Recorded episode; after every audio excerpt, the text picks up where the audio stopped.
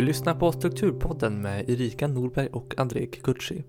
Erika, hon jobbar som lärare och driver bloggen vstruktur.se och André, han jobbar som pastor och pusslar ihop livet som familjefar. Jag som talar heter Simon Lundberg och är den som redigerar denna podd. Så luta er tillbaka och följ med i våra tankegångar som kretsar kring livet och struktur.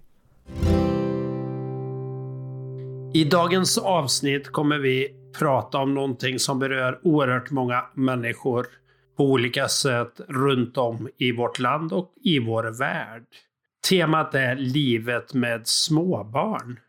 Jag har två småbarn och Erika har alldeles snart, om allting går bra, ett barn. Och det är så vi kom på temat. Vad är det Erika kommer få för upptäckter det närmsta halvåret när hon är mammaledig? Och själv går jag också på pappaledighet faktiskt nu i dagarna för mitt andra barn.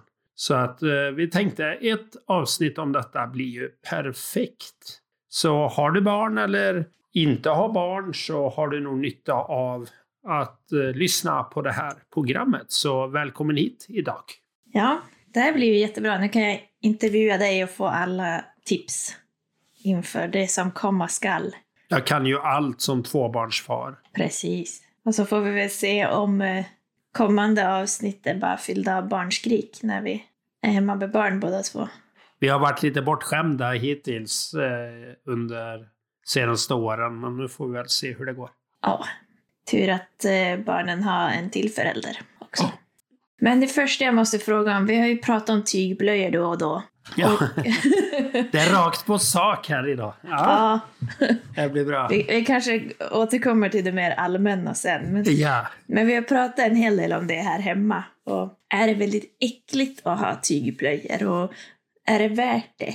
Och vad har ni för rutiner kring tygblöjor? Och hantera smutsiga och uh, tvätta dem och behöver man rengöra tvättmaskin? Och, mm. ja, hur gör man? Ja, man kan väl börja säga det här med tvätt kan man ju säga, ja men vi tvättar ju ändå, men faktum är väl att du tvättar ju inte blöjorna ihop med andra saker. Du tvättar ju inte dina blöjor ihop med din skjorta. Så det blir ju mer tvätt, givetvis. Mm. Och det här hur ofta du håller i en sak pratar vi ju mycket om i vår podd, där man ska hålla i saken en gång. Var sak har sin plats. En tygblöja håller du i väldigt många gånger. Eh, från det att, ja, det beror ju på var det börjar, men om du börjar med att den är ihopvikt så ligger han på ett ställe. Och sen lägger du in den i, i, i din ja, blöja. Det är ju två lager. Alltså det är ett skal och en inneblöja och det är inneblöjan som man viker ihop. Okej. Okay. Mm. Och eh, sen används ju den av barnet och då ska du ju ta, ta ur den och är det bara kiss så kan du ju eller gjorde vi i alla fall. Det finns ju många olika skolor om det här. Men vi hängde upp den. För att den inte skulle ligga i, ja, i en hög och lukta mer illa. Så vi hängde upp dem. Och sen när vi hade ett gäng, ofta efter en dag, eller kanske en och en halv dag, då tvättade vi. Och eh, då fick vi tvätta eh, två gånger. Först ett eh, som ett snabbprogram på 15 minuter och sen ett vanligt program då på vi körde eko så det tog ju några timmar som ett vanligt ekoprogram gör. Mm. Och sen ska du hänga upp dem så att de torkar och sen ska du då vika dem eh, så att det går fort när du behöver ta fram en blöja. Så det är rätt många moment då. Mm. Sen kan du tänka på en vanlig blöja. Då kan man tänka, att det är bara ett moment. Alltså jag sätter i den, använder den och slänger den. Men där blir det ju eh, ett sopberg och att du måste hämta den i affären. Så att mm. Eh, det är ju några moment även där. Mm. Eh, givetvis. Men du behöver en rutin kring de här momenten. Ehm, och plats skulle jag säga. För du, du har ju blöjor på tork dygnet runt varje dag i ja, ett par år. Mm. Men ehm, det kan ju vara olika barn. Men många upplever att tygblöjebarn blir blöjfria tidigare. Vilket gör att det kanske inte är så lång tid. De här nya blöjorna som du köper i affären till barnen, de suger ju åt upp allting så väldigt bra att barnet inte känner direkt om de har kissat. Medan mm. barn som har tygblöjor, de känner ju direkt att här är det kiss. eller något annat. Ja. Det är ju kissdelen och den är ju enkel och behändig eh, att hantera. Bajsdelen är ju värre, det får man ju säga.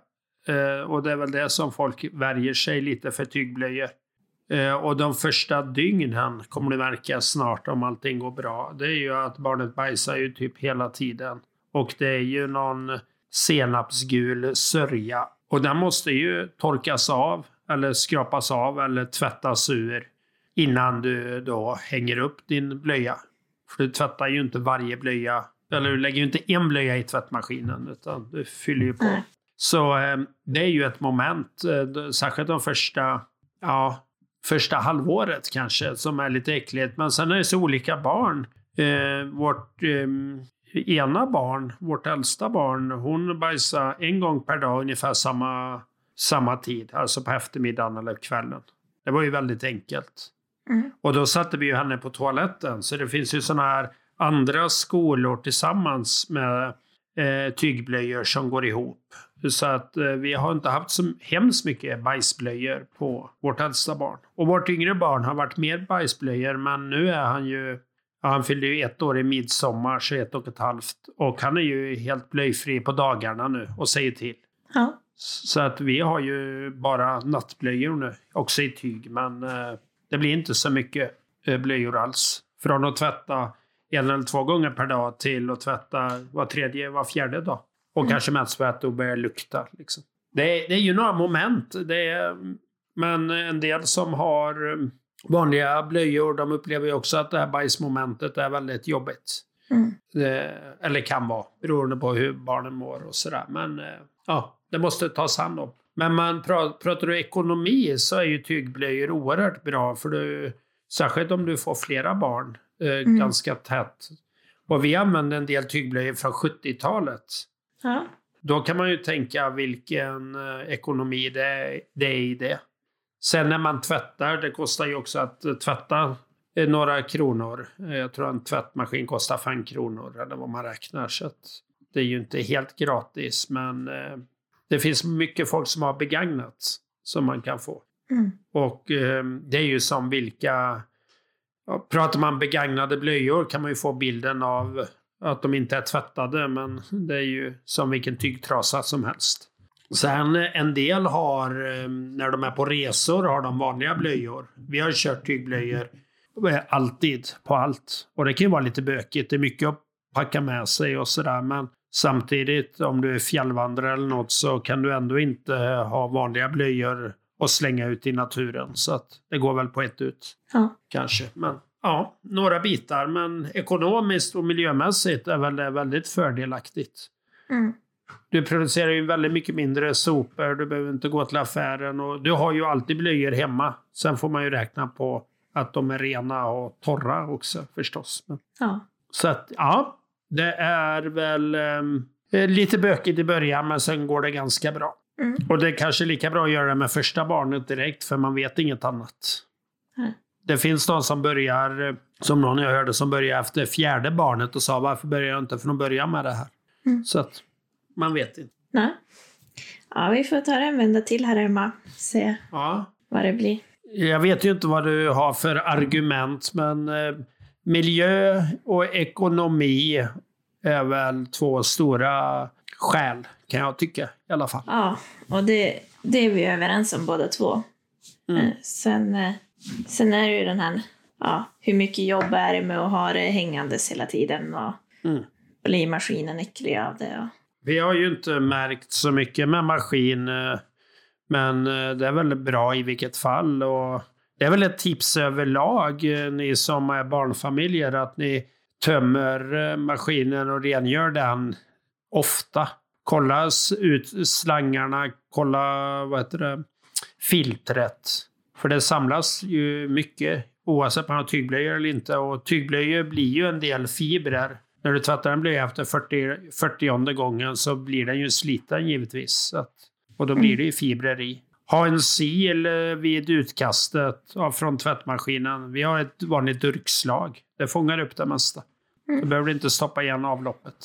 Men det har inte så mycket med tygblöjor att göra. Det är väl allmänt. Men allt sitter ihop på något sätt. ja. och har ni lyssnare några tips om eh, tygblöjor eller annat så är det ju bara att höra av sig till hejsnabelastrukturpodden.se. Eller alla, alla tips ni vill ge till mig nu. Det finns, ska vi också säga, kanske bra grupper på Facebook kring tygblöjor. Eh, Ja. Ja, nu vet jag inte om jag är med i någon, men jag har varit med och då får man tips. Och det är ju mode i det här till och med. Eh, och kan kosta hur mycket som helst och sådär. Men ja, det, är- det är bra att läsa på och fråga om hjälp framförallt i sociala medier. Mm. Ja, det får jag kolla. Men eh, har du något mer allmänt? Vad, vad kan man tänka på? Hur förändras livet när man får barn? Mm. Jag frågade min fru här häromdagen det. Jag sa att vi skulle spela in ett avsnitt. Och det första hon sa det är ju att egentiden försvinner. Mm. Att man är beredd på det. Det är ju jätteroligt att ha barn, men det är ju också att eh, du själv blir nummer två eller nummer tre. Dina egna behov måste du sätta åt sidan under en period. Och eh, ja, skriker barnet på natten så måste du gå upp. Du har inget val och du går upp. Det är inget man kan träna på utan det blir så automatiskt. Men vi har ju haft tur att ha friska barn men har du barn med olika sjukdomar, det är ju fascinerande att man orkar så mycket som man gör. Mm.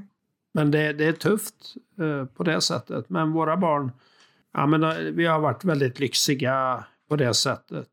Vi sover mellan... Ja, vi, i natt eh, fick jag gå upp jättemånga gånger, men det var ett undantag. Men normalt så vaknar de inte längre på natten. Eller, vår dotter vaknar ju och vill ligga hos oss ett tag, men eh, annars somnar de vid ju åtta, nio och sen sover till... Ja, före sju är ju ingen vaken. Ja, det är trevligt. Och andra har att man måste gå upp klockan fem Mm. för att barnet vaknar. Och det vet du inte. Och får du flera barn så kan det ju vara olika mellan olika barn också. Så det finns inget... Eh, så här är det.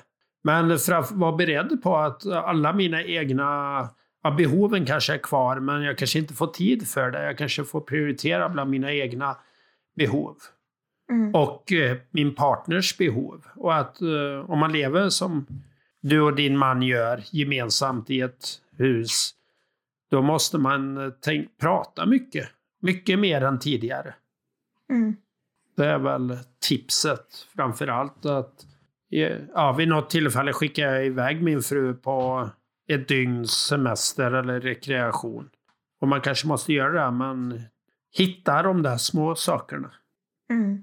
Det är ju i vår poddserie här så Ulrika Patring och intervjuer med henne, eller egentligen båda intervjuerna, tar ju upp det här perspektivet att man är en familj med olika behov och att man delar på både ansvar och behov. Ja. Så det tycker jag att eh, du, är- du är inte nummer ett längre. Om du var det innan så är du inte det. Men det är bara några år. Mm. Är du ute? Du är inte riktigt ute ur det än. Nej, alltså igår, när, härom, vad var det, förrgår kanske? Häromdagen i alla fall, då sov ena barnet och det andra satt och badade och, eh, i en badbalja. Och hon kunde sitta där själv, även om vi hade, vi brukar ju sitta i badrummet bredvid, men då kunde, kunde man ju sitta där och läsa en bok och helt för egen del. Mm. Och det kom på, ja, men det var nog, det var bra länge sedan. Ja. Så att det är de där små tillfällena och någonting som har hjälpt mig mycket det är ju att hitta den där en minut eller två minuter eller nu har jag fem minuter. Att ta vara på den tiden och göra någonting som jag vill göra. Ja. Blunda eller ja, läsa någonting och sådär. Det, det, det är det som förändrar liksom. Ja. Och jag läste en lista i eh, Expressen. Det finns ju andra bra tidningar också, ska vi säga. Eller dåliga tidningar. Men det handlar om, eh, om livet före barn eh, mot livet efter barn. Och så har de gjort en tio-lista som jag tyckte var, ja men, den är nog allmängiltig faktiskt. Och då är punkt nummer ett där att förut satte du larmet på mobilen för att vakna om morgonen. Det behövs inte längre. Och eh, i vårt fall behöver vi då sätta larm för att komma upp. Om vi ska till förskolan en viss tid så måste vi sätta larm för att alla sover längre än vad vi hinner annars. Men generellt är det ju så att eh, när barnen vaknar börjar dagen. Ja. Om det är fem, sju eller nio så är det dagen igång. Ja, det är nästan lyxigt som småbarnsförälder att behöva ställa larm. Då. Ja, i morse tyckte vi, ja men nu får eh, vår dotter, hon pratade och gnällde på morgonen. Och sen tittade jag på klockan, då var det en kvart över åtta. Men eftersom det är mörkt ute nu, dygnet runt nästan, eh, den känslan i alla fall, då eh, vet man ju inte om klockan var åtta eller fem. Liksom. Nej. Men då hade jag varit uppe fem, sex gånger mellan två och tre för den mindre av dem. Han behövde kissa och han var orolig och sådär. Så ja, så kan det vara. Men eh, man behöver sällan sätta en väckarklocka som barnförälder. Nej. Och sen eh, det här eh, punkt två har de satt. Förut räckte det att du tvättade en gång i veckan. Nu kan du ibland tvätta samma kläder två gånger på en dag. Och ehm, visst är det så. Är det inte barnens kläder så är det dina egna. Jag vet inte hur många byxor som vår son har kissat på mig. Liksom. Man har dem i knät och så känner man hur varmt det blir. Liksom. Mm. Kiss och kräk är väl... Ja, och det är också väldigt olika med olika barn, men just när de ska upptäcka att äta själva, det är ju, eller som igår, hällde den ena en gröttallrik upp och ner på i knät. Liksom. Mm. Och då är det ju eh, två tröjor och ett par byxor. Och det spelar ingen roll om man byter byxor några minuter innan, de, de är ju vad de är ändå. Ja. Så mycket tvätt blir det. ja, och det är nog inte bara i början skulle jag tro. Nej. När de är ute och leker sen då blir det mycket också. Vi hade, det här spelade vi ju in i Lucia-tid och när hon kom hem från förskolan med Lucia-nattlinnet som de hade haft utomhus så var det ju ja, mörkbrunt av lera en decimeter längst ner. Och nu tvättade vi den här om dagen men den såg ju knappt ren ut för det. Mm. Så, så är det. Ja, jag minns när, eh, om jag, nu får han klippa bort det här om det är för genant, men vår, vår redigerare Simon är ju också min kusin. Och vi har en till kusin som är ungefär i samma ålder. Och när de var små så hade vi någon, någon släktsamling. Och så ja, plötsligt var de här två borta någonstans. Och de hade ju finkläder på sig sen innan. Och sen eh, Sen såg vi dem ut genom fönstret att de eh, hade hittat en, en lerig pöl och eh, öste lera på varann. Ja, så är det med barn. Och jag tror inte att det var första bytet den dagen heller. Nej. Så det var, var lite ont om kläder med, tror jag. Men det är ju ett bra kalas om skjortan hänger utanför, du är smutsig och du är genomsvettig och du är trött och grinig. Då är det ju, har det ju varit ett bra kalas. Så är det ju. Ja, kan man hoppas. Sen en annan punkt de har är det att innan barnen oroade du dig inte så mycket i livet. Det var att fånga dagen bara. Nu oroar du dig över allt som skulle kunna hända barnen och allt som skulle kunna hända dig. Att oroa sig blir en livsstil. Och där kan man nog vara väldigt olika som människa. Vad man oroar sig för och på vilket sätt det gestaltas. Mm. Men det är ju livsfarligt att ha barn. Det är hur mycket som helst som kan gå fel. Så är det ju bara. Och man kan ju inte liksom ta bort allt som är farligt i ett hem. Det blir ju ingenting kvar. Men man, ja, försöka hantera oron hela tiden. Ja. Och bli bekväm i den. Att kunna släppa vad är det jag kan göra något åt och vad är det jag måste släppa. Och någon sa att ju äldre barnen blir, desto mer oro blir det. Eller en annan oro blir det. Ja. Små barn, små problem och stora barn, stora problem. Kan det ju vara. Ja. ja, när de börjar köra moped är det ju en helt annan fara än när de cyklar trehjuling. Ja, och ehm, ja, men vi har en trappa hemma och vad händer när ettåringen går rakt ut för trappan? Det dunsar ju på ganska bra innan man landar i betonggolvet. Liksom. Ja. Och man kan ju vara orolig för att det händer hela tiden, men då skulle det inte gå att leva hemma om man hade en oro. Men när det händer blir man ju livrädd. Mm. Så är det ju. Och sen kanske man kan sätta upp något staket och sådär, men man kan inte skydda dem från allt. Men man kan vara närvarande. Mm. Och även barnen är ju oroliga för olika saker. De drömmer, de ser på TV, de... Ja, vad det nu är för någonting. Så att eh, det finns ju en oro hos dem också. Ja. Så det är väl också samtalet som är det viktiga. Sen det här med oroliga föräldrar så undrar jag, jag tror väl alltid att föräldrar oroar sig för sina barn, men att det kanske ändå är lite annorlunda nu jämfört med förr.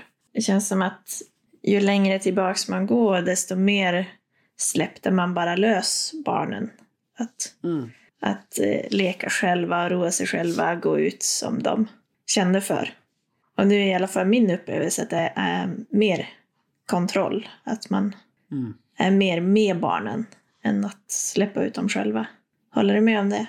Ja, men det, det tycker jag nog. eh, Jag läste någon artikel som handlar om förskolor och ja, skolor och den biten. Att eh, nu är de inhägnade med högt staket Ja, för att eh, skydda barnen. Både från att de går ut men också kanske från yttre hot att folk går in. Men det fanns ju aldrig ett staket. Folk lärde sig var gränsen gick.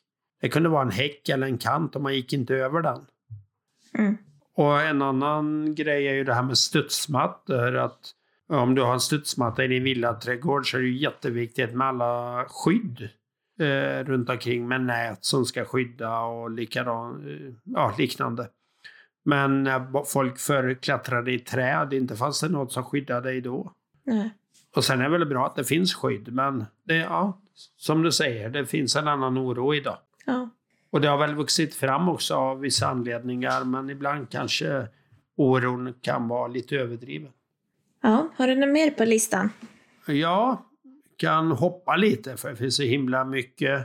Eh, de har här om egentid. Lite där vi börjar. Då står det så här. Innan du fick barn var egentid ett ord du överhuvudtaget aldrig reflekterade över.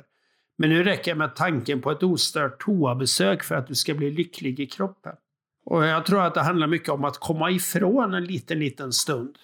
Ja. Det, det är väldigt intensivt när barnen skriker, de är trötta, de är hungriga, man blir missförstådd och man missförstår sin partner. Och då är ju inte lösningen att fly undan, men eh, du måste kanske gå på toaletten eller du kan eh, kanske gå och hänga tvätt och då blir tvättstugan en plats där det är tyst på. Där du får vara för dig själv några minuter. Ja. Det är sådana små saker som får en helt annan betydelse. Mm. Och sen eh, en annan punkt de har handlar om effektivitet. Att eh, nu eh, när du har fått barn så blir du effektivare. Och det tror jag ligger mycket i det. Man, man hinner så mycket, man passar på. Oj, nu har jag tio minuter innan ja, det är nästa grej. Ja, men vad hinner jag göra på tio minuter? När du inte har någon ja, barn eller kanske något annat att förhålla dig till, då är ju risken att ja, men jag gör det sen. Mm. De där tio minuterna spelar ingen roll. Så att, eh, det är också bra. Ja, det är ganska vanligt att man fyller ut den tid man har. Så har man väldigt lite tid så, så måste man ju bli effektiv. Så det är en Mm. bra sak egentligen. Och en annan punkt de har det är att allting tar mycket längre tid. Så det är om du ska gå ut utanför dörren och så tar du på dina kläder och så går du. Om du lever själv. Det, det tar ju inte många minuter. Men med barn, eh, då ska de kissa, de ska byta om och i den här tiden ska de ha på sig många lager kläder. Och sen när den väl kommer ut, ja, men då kommer någon på att den inte vill gå ut eller att eh, den måste kissa igen. Och att det är fel färg på tröjan. Det är fel mössa och eh, man vill inte vara ute och leka. Och så har det gått en halvtimme att ta på och sen när man kommer in så tar det en lång tid att ta av sig alltihop. Och så, ja.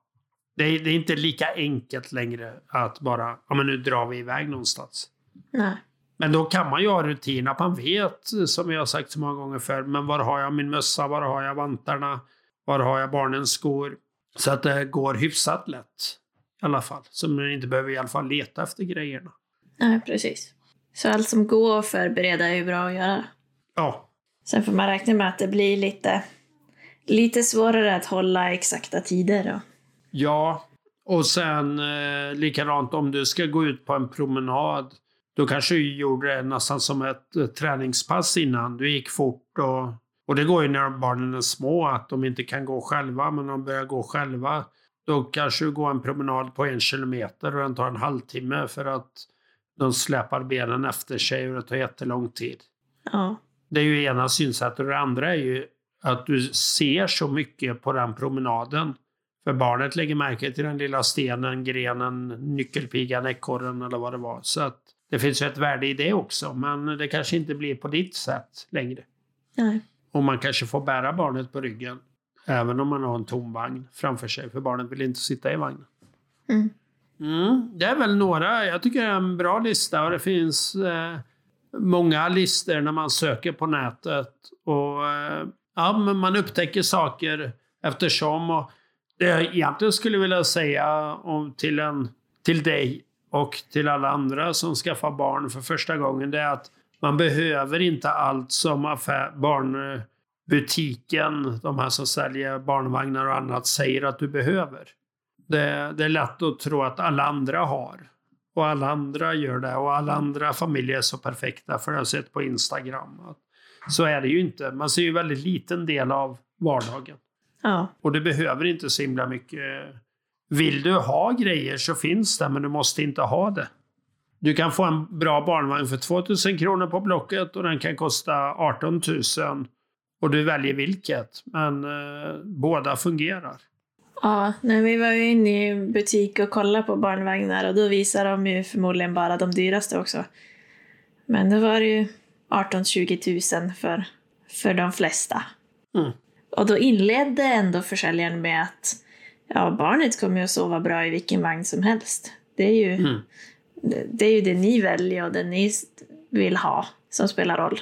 Och då, då blev det att köpa en för 1500 på Blocket istället. Ja, Det och det också. fungerar ju och då ska man se till att den går in i bilen. Det är Mm. väl eh, sådana grejer. Att, och lätt att vika ihop och att den är smidig att använda. Men Mm. får du då 16 000 över att lägga på annat så kanske det har betydelse för dig. Och har det inte betydelse för dig så kan man väl eh, tänka att det kanske har betydelse för någon annan vad du, om du lägger pengarna och ja, skickar iväg det till någon insamling istället, 16 000. Ja, kan man göra. Men man väljer själv. Det är väl det viktigaste oavsett vad de andra väljer. Det, ja, Mm. det är så lätt att gå i den där fällan. Liksom.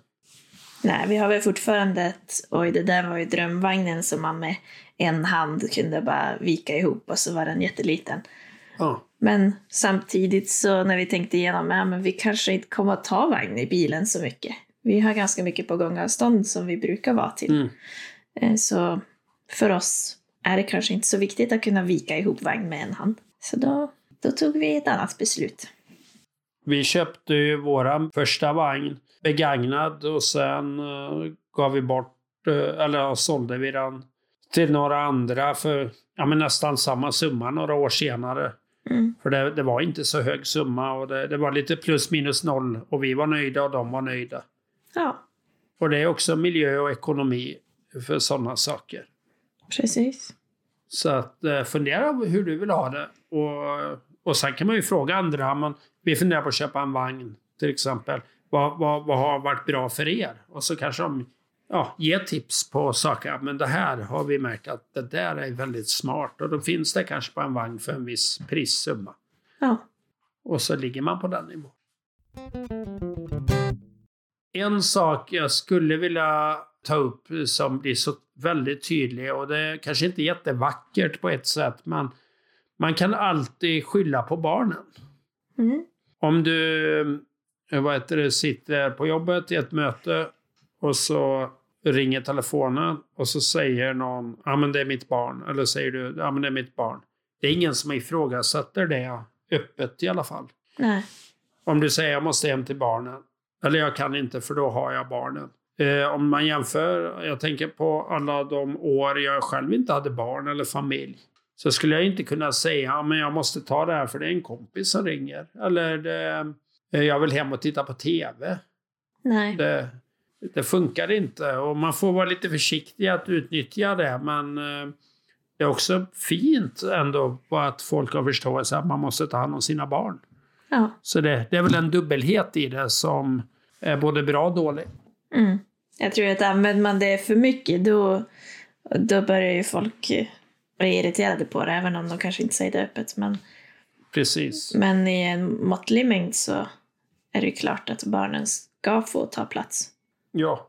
Och det har ju hänt något med det här med när mobilen kom att alla barn ska ha mobil för de ska kunna ringa så fort det är någonting och det är väl både bra och dåligt. Ja. Tänker jag. Men eh, man kan skylla på barnen. Vi kan konstatera det bara. ja. På gott och ont så kan man det. Ja. Något annat jag skulle vilja ta upp också det är omställningstiden. Det har blivit så tydligt för mig att så fort jag öppnar ytterdörren, ja men då kommer jag in i barnens värld. Det kan vara skrik, det kan vara skoj, det kan vara lek, det kan vara allvar. Och eh, det finns ingen omställningstid när jag öppnar ytterdörren. Nej. Den, den måste jag göra innan jag kommer hem, om det är möjligt. Och samtidigt tycker jag det är lite skönt ibland, för jag kan inte vara kvar i vissa jobbgrejer. Eh, för då är jag inte närvarande när jag kommer hem. Så Mm. Det är både bra och dåligt även det. Ja. På så sätt kan det ju vara lite bra med pendlingstid. Att du nu bor lite längre bort från ditt jobb. För Mm. satt ju jobbet och hemmet ihop för dig nästan. Ja, jag behöver inte gå ut för att gå till jobbet. Liksom. Och, och det är väl många som upplever det nu i coronatid i hemarbete, att man eh, kommer väldigt nära båda liven samtidigt och det kan vara svårt att hålla isär och det, det, det tär ju på en. Ja. Särskilt om man är lite stressad över någon deadline i jobbet och så skriker barnen bredvid. Liksom. Att man Mm. får jag försöka hålla de här att när jag jobbar, då jobbar jag och när jag är med barnen, då är jag med barnen. Men det kan vara svårt ibland. ja. Och svårt för barnen att förstå, kan jag tänka mig.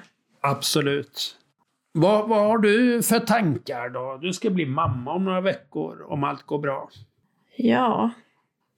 Nej, jag har ju inte varit en sån här som, som har sett det som självklart att jag ska ha barn. Eller som, eh, som har längtat jättemycket efter barn. Så det har ju varit en, en lång process för mig att, att eh, acceptera alla förändringar. För jag känner att jag är ganska, ganska medveten om att det kommer att bli väldigt annorlunda. Det här med egen tid och att sömn som jag tycker är viktigt och att eh, jag som har lätt att starta upp en massa olika projekt, att nu kommer det bli helt andra prioriteringar kring sånt. Men nu har jag ändå landat i att det, det blir bra att det blir så. Men så en sak som jag funderar på är, kan man ha struktur med en nyfödd? Ja, men du måste omvärdera den strukturen ständigt. Men du kan ha struktur på ja, med kläder. Det går åt fruktansvärt mycket kläder för en nyfödd. Ja. eh, eller bodies. Det är väl knappt kläder, men ja. Var, var har du dem? Har du ett system för det där? Vad är rent och vad är... eh, Hur är de vikta eller ligger de bara lätt att plocka fram och dra på? Det beror ju på om du kommer amma eller inte. Det är ju så olika med det där. Men vi har ju haft två flaskbarn och då har vi ju delat på det en hel del eh, varannan natt. Men ammar du, då kan ju inte mannen eh, göra så mycket, men, eller din man, göra så mycket på den sidan. Men kanske kan han hitta struktur och förbereda på andra sidor. Ja. Så att eh, det, ja, men det går att hitta en grundstruktur, men sen vet du ju inte. Du kanske får ett barn som vaknar varannan timme eh, hela tiden. Eller så får du ett barn som sover merparten av dygnet. Och det, den första tiden är ju ja, men, både helt annorlunda men också ganska lugn eftersom barnet sover ju generellt mycket. Det gör det ju. Det är ju när det är några månader det börjar ändras. Men då går det ju att ta vara på det. Men du kan ju ha en plan att ja, men vi äter de här bestämda tiderna och barnet vill äta helt andra tider. Då rubbas ju den där. Ja. Men vi, vi var väldigt sociala de första månaderna. Och för vårt barn sov mycket och var flaskmat så vi kunde ju dela på det i mycket. Ja. Det var väl mer sen man märkte att det kanske var bra om inte barnen träffade allt för mycket folk hela tiden. Så de blev lite större. Men, Mm. Ja, och vi får ju barn mitt i coronatider och ja. RS-virustider och sådär. Mm. Så då får man ju se vad som funkar med att träffa folk och vad som är klokt. Precis, och eh, den första tiden är ju mycket besök på sjukhus eller på BVC-mottagningar och liknande. Första veckorna är ju ständigt saker att göra. Det beror lite på om man blir godkänd efter 72 timmar på de testerna, men blir man inte det då, då är det ju mycket sånt där. Så det blir ju en rutin och en vardag. Men, och så är man ju väldigt trött egentligen. Ja. Det, det, så är det ju. Sov med barnet första tiden skulle jag säga. Mm. Ja, och behöva stiga upp och gå långt för att mata varje gång blir ju ett väldigt stort jobb. Kan jag tänka Ja, mig. men även mitt på dagen liksom passa på att vila för att det blir inte, det blir mindre och mindre sömn Mm. för varje månad. Så att, eh. Ja. Men sen är det ju, nu må- målar vi upp att det skulle vara så himla jobbigt och det är ju det, men det är också väldigt roligt. När barnet börjar le eller titta, blinka, skratta. Alltså det är ju sådana här saker som... Och sen så småningom kanske krypa eller rulla runt eller gå. Och, eller prata och uppleva, leka och sånt där. Det, är ju, det där är ju värt hur mycket som helst och berättar saker. Och, ja. Så det, Ja. det är ju inte bara, bara jobbigt att ha barn, men det finns ju den sidan också. Ja. Det är inte det här Instagram-gulliga alltid. Nej. Nej, och första tiden är ju för de allra flesta väldigt, väldigt intensiv. Och väldigt Mm. lite sömn. Sen finns det ju också eh, att man måste förhålla sig, alltså dels till sin partner, att man kanske har olika bilder av hur man ska göra och de bilderna har man ju från sin egen barndom. Eh, men sen finns det ju också det här att man eh, tyvärr förhåller sig till sina respektive föräldrar, svärföräldrar och liknande. Ja. Eh, och det kan ju komma upp sidor som man är liksom inte riktigt beredd på att man skulle hantera. Eller behöva hantera. Och det kan ju också bli krockar. Att barnen är för dåligt klädda eller för mycket klädda eller fel klädda eller vad, vad det nu är. Eller ska man äta det eller ska man mormor eller farmor vill bjuda på kakor och så vill man inte att barnen äter kakor. Och hur förhåller man sig till det perspektivet hela tiden? Ja.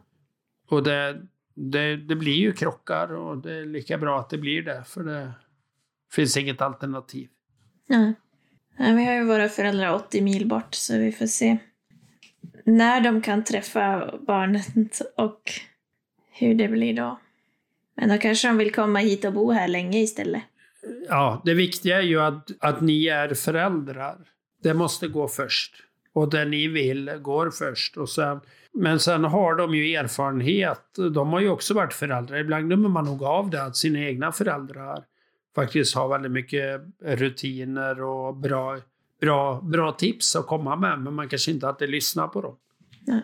Sen beror det på vad det har varit för förälder. Men det tänkte jag också på tidigare idag, att det finns ju så himla många dåliga föräldrar som eh, har så mycket med sig själva att de glömmer av sina barn. Man kan ha missbruk av olika saker eh, och andra problem.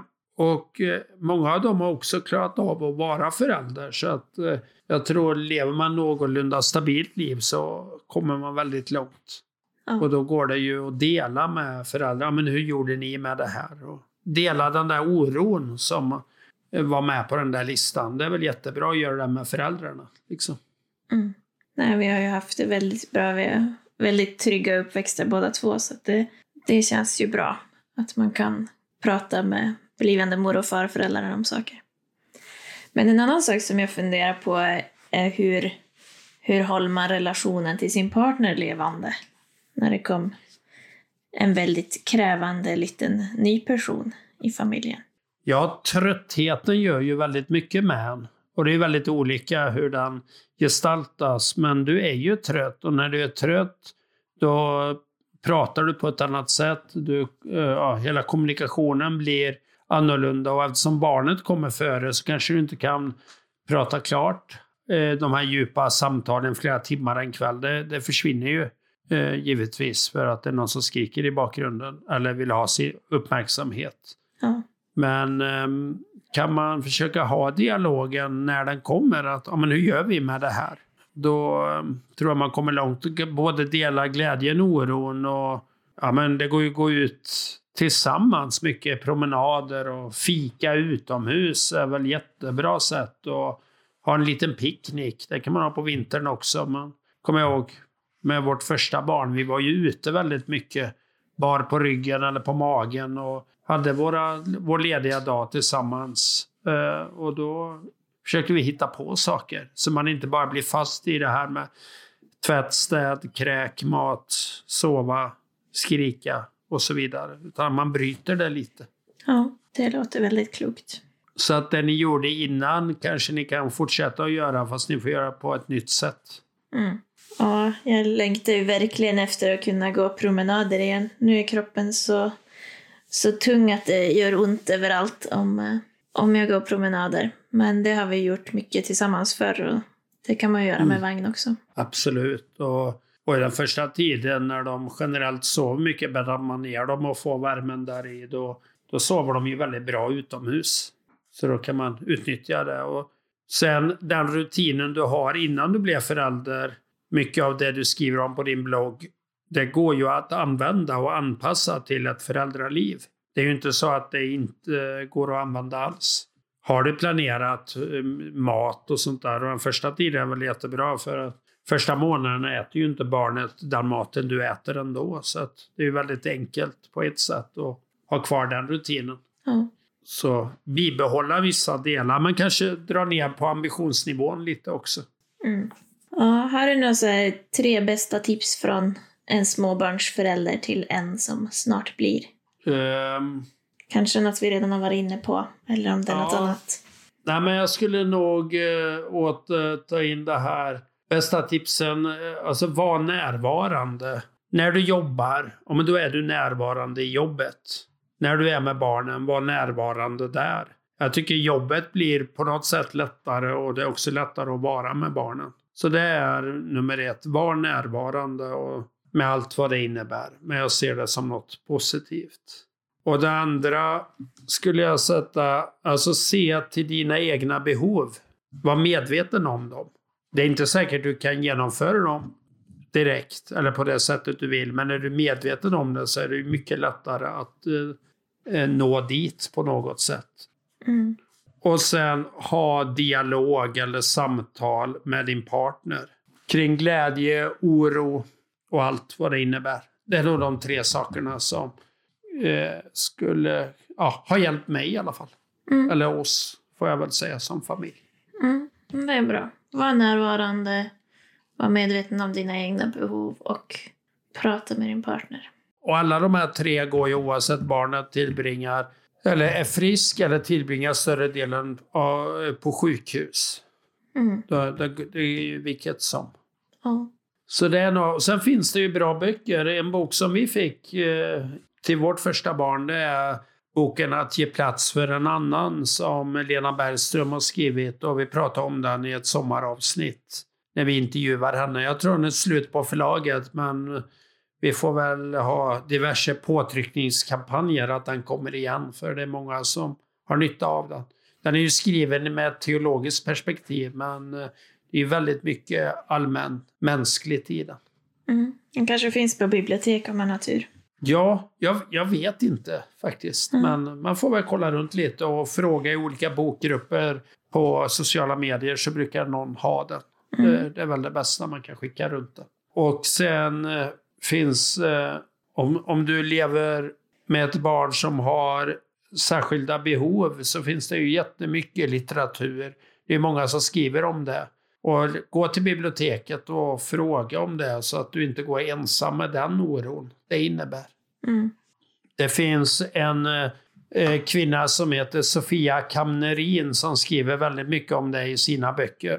Eh, och hon, hon har en, ett barn med väldigt stora behov. Och eh, hon skriver om hur so socialtjänsten har fått gå in och hjälpa dem på olika sätt. Och det här att släppa kontrollen över sitt barn som behöver så mycket. Och att bli ifrågasatt som förälder om man är lämplig och så vidare. Det är ju oerhört svårt. Ja. Så att he- hennes böcker kan jag rekommendera av de som gäller hennes egna barn. Då. Mm. Hennes böcker överlag är bra, men det är mycket teologi. Men just de är bra. Så det var två författare och det finns ju oerhört mycket mer. ja, bra. Har vi någon veckans prova på? Ja, jag tänker att om du inte har barn, så umgås med en barnfamilj under en dag eller under en längre tid. Försök att bli liksom aktiv, inte bara leka med barnen, utan bli aktiv i vad är det de gör, eller hur lever de? Prata med dem, umgås med dem. Och det kanske är två olika barnfamiljer under en, någon vecka eller vad du har för tid. så ser du hur olika det är. För att det är jätteolika. Två barn är helt olika. Och har du eh, två barnfamiljer så lever de på olika sätt. Vad är, vad är lätt för dem och vad är svårt för dem? Vad är deras utmaningar? Det kan väl vara... Det kanske skrämmer någon. Jag vill aldrig ha barn och då kanske det är bra. Men det kanske lockar någon också att vad fantastiskt det Mm. Ja, så får reda på hur eh, är verkligheten egentligen. Ja, och nu har vi ju i den här podden idag bara pratat om det här att man får barn, man föder barn och de kommer in. Man, om du adopterar barn som är ett par år gamla, då har de ju redan en erfarenhet med sig som du måste också förhålla dig till. Till ett annat land, en annan kontinent, en annan kultur. Och, och de livsfrågor som öppnas upp där, det, det är också spännande. Men ofta om du adopterar barn så finns det ju ofta föreningar att ta stöd ifrån. Ja. Och många som har en liknande erfarenhet. Och där är ju sociala medier jättebra. För du, du hittar grupper för det mesta. Ja. Men eh, nu i det här har vi utgått från att man får barn naturlig väg och eh, ja, det är en förberedelseprocess på nio månader ungefär. ja, bra. Tack för att jag fick eh, intervjua dig lite om tips. Mm. Och eh, lyssnarna får ju gärna fylla på om ni har några bra, bra tips till en ny förälder. Så kan ni ju skicka till hejsnabelastrukturpodden.se eller gå in på vår hemsida strukturpodden.se och använda kontaktformuläret eller skriva i vår Facebookgrupp Strukturpodden så tar vi tacksamt emot det också. Eller om ni har något annat ämne ni vill att vi ska beröra så kan ni skriva det. Och jag skulle nog vilja summera någonstans att sänk dina krav men sluta aldrig att eh, ta vara på dina behov. Det tar jag med mig. Vad bra. Och även alla andra lyssnare hoppas jag. Mm. Ja, så stort tack för att ni har lyssnat. Tipsa gärna andra om eh, den här podden. Och eh, tack till Simon Lundberg som klipper ihop det här. Stort tack för att ni lyssnade. Ha det bra. Hej hej! Hej då!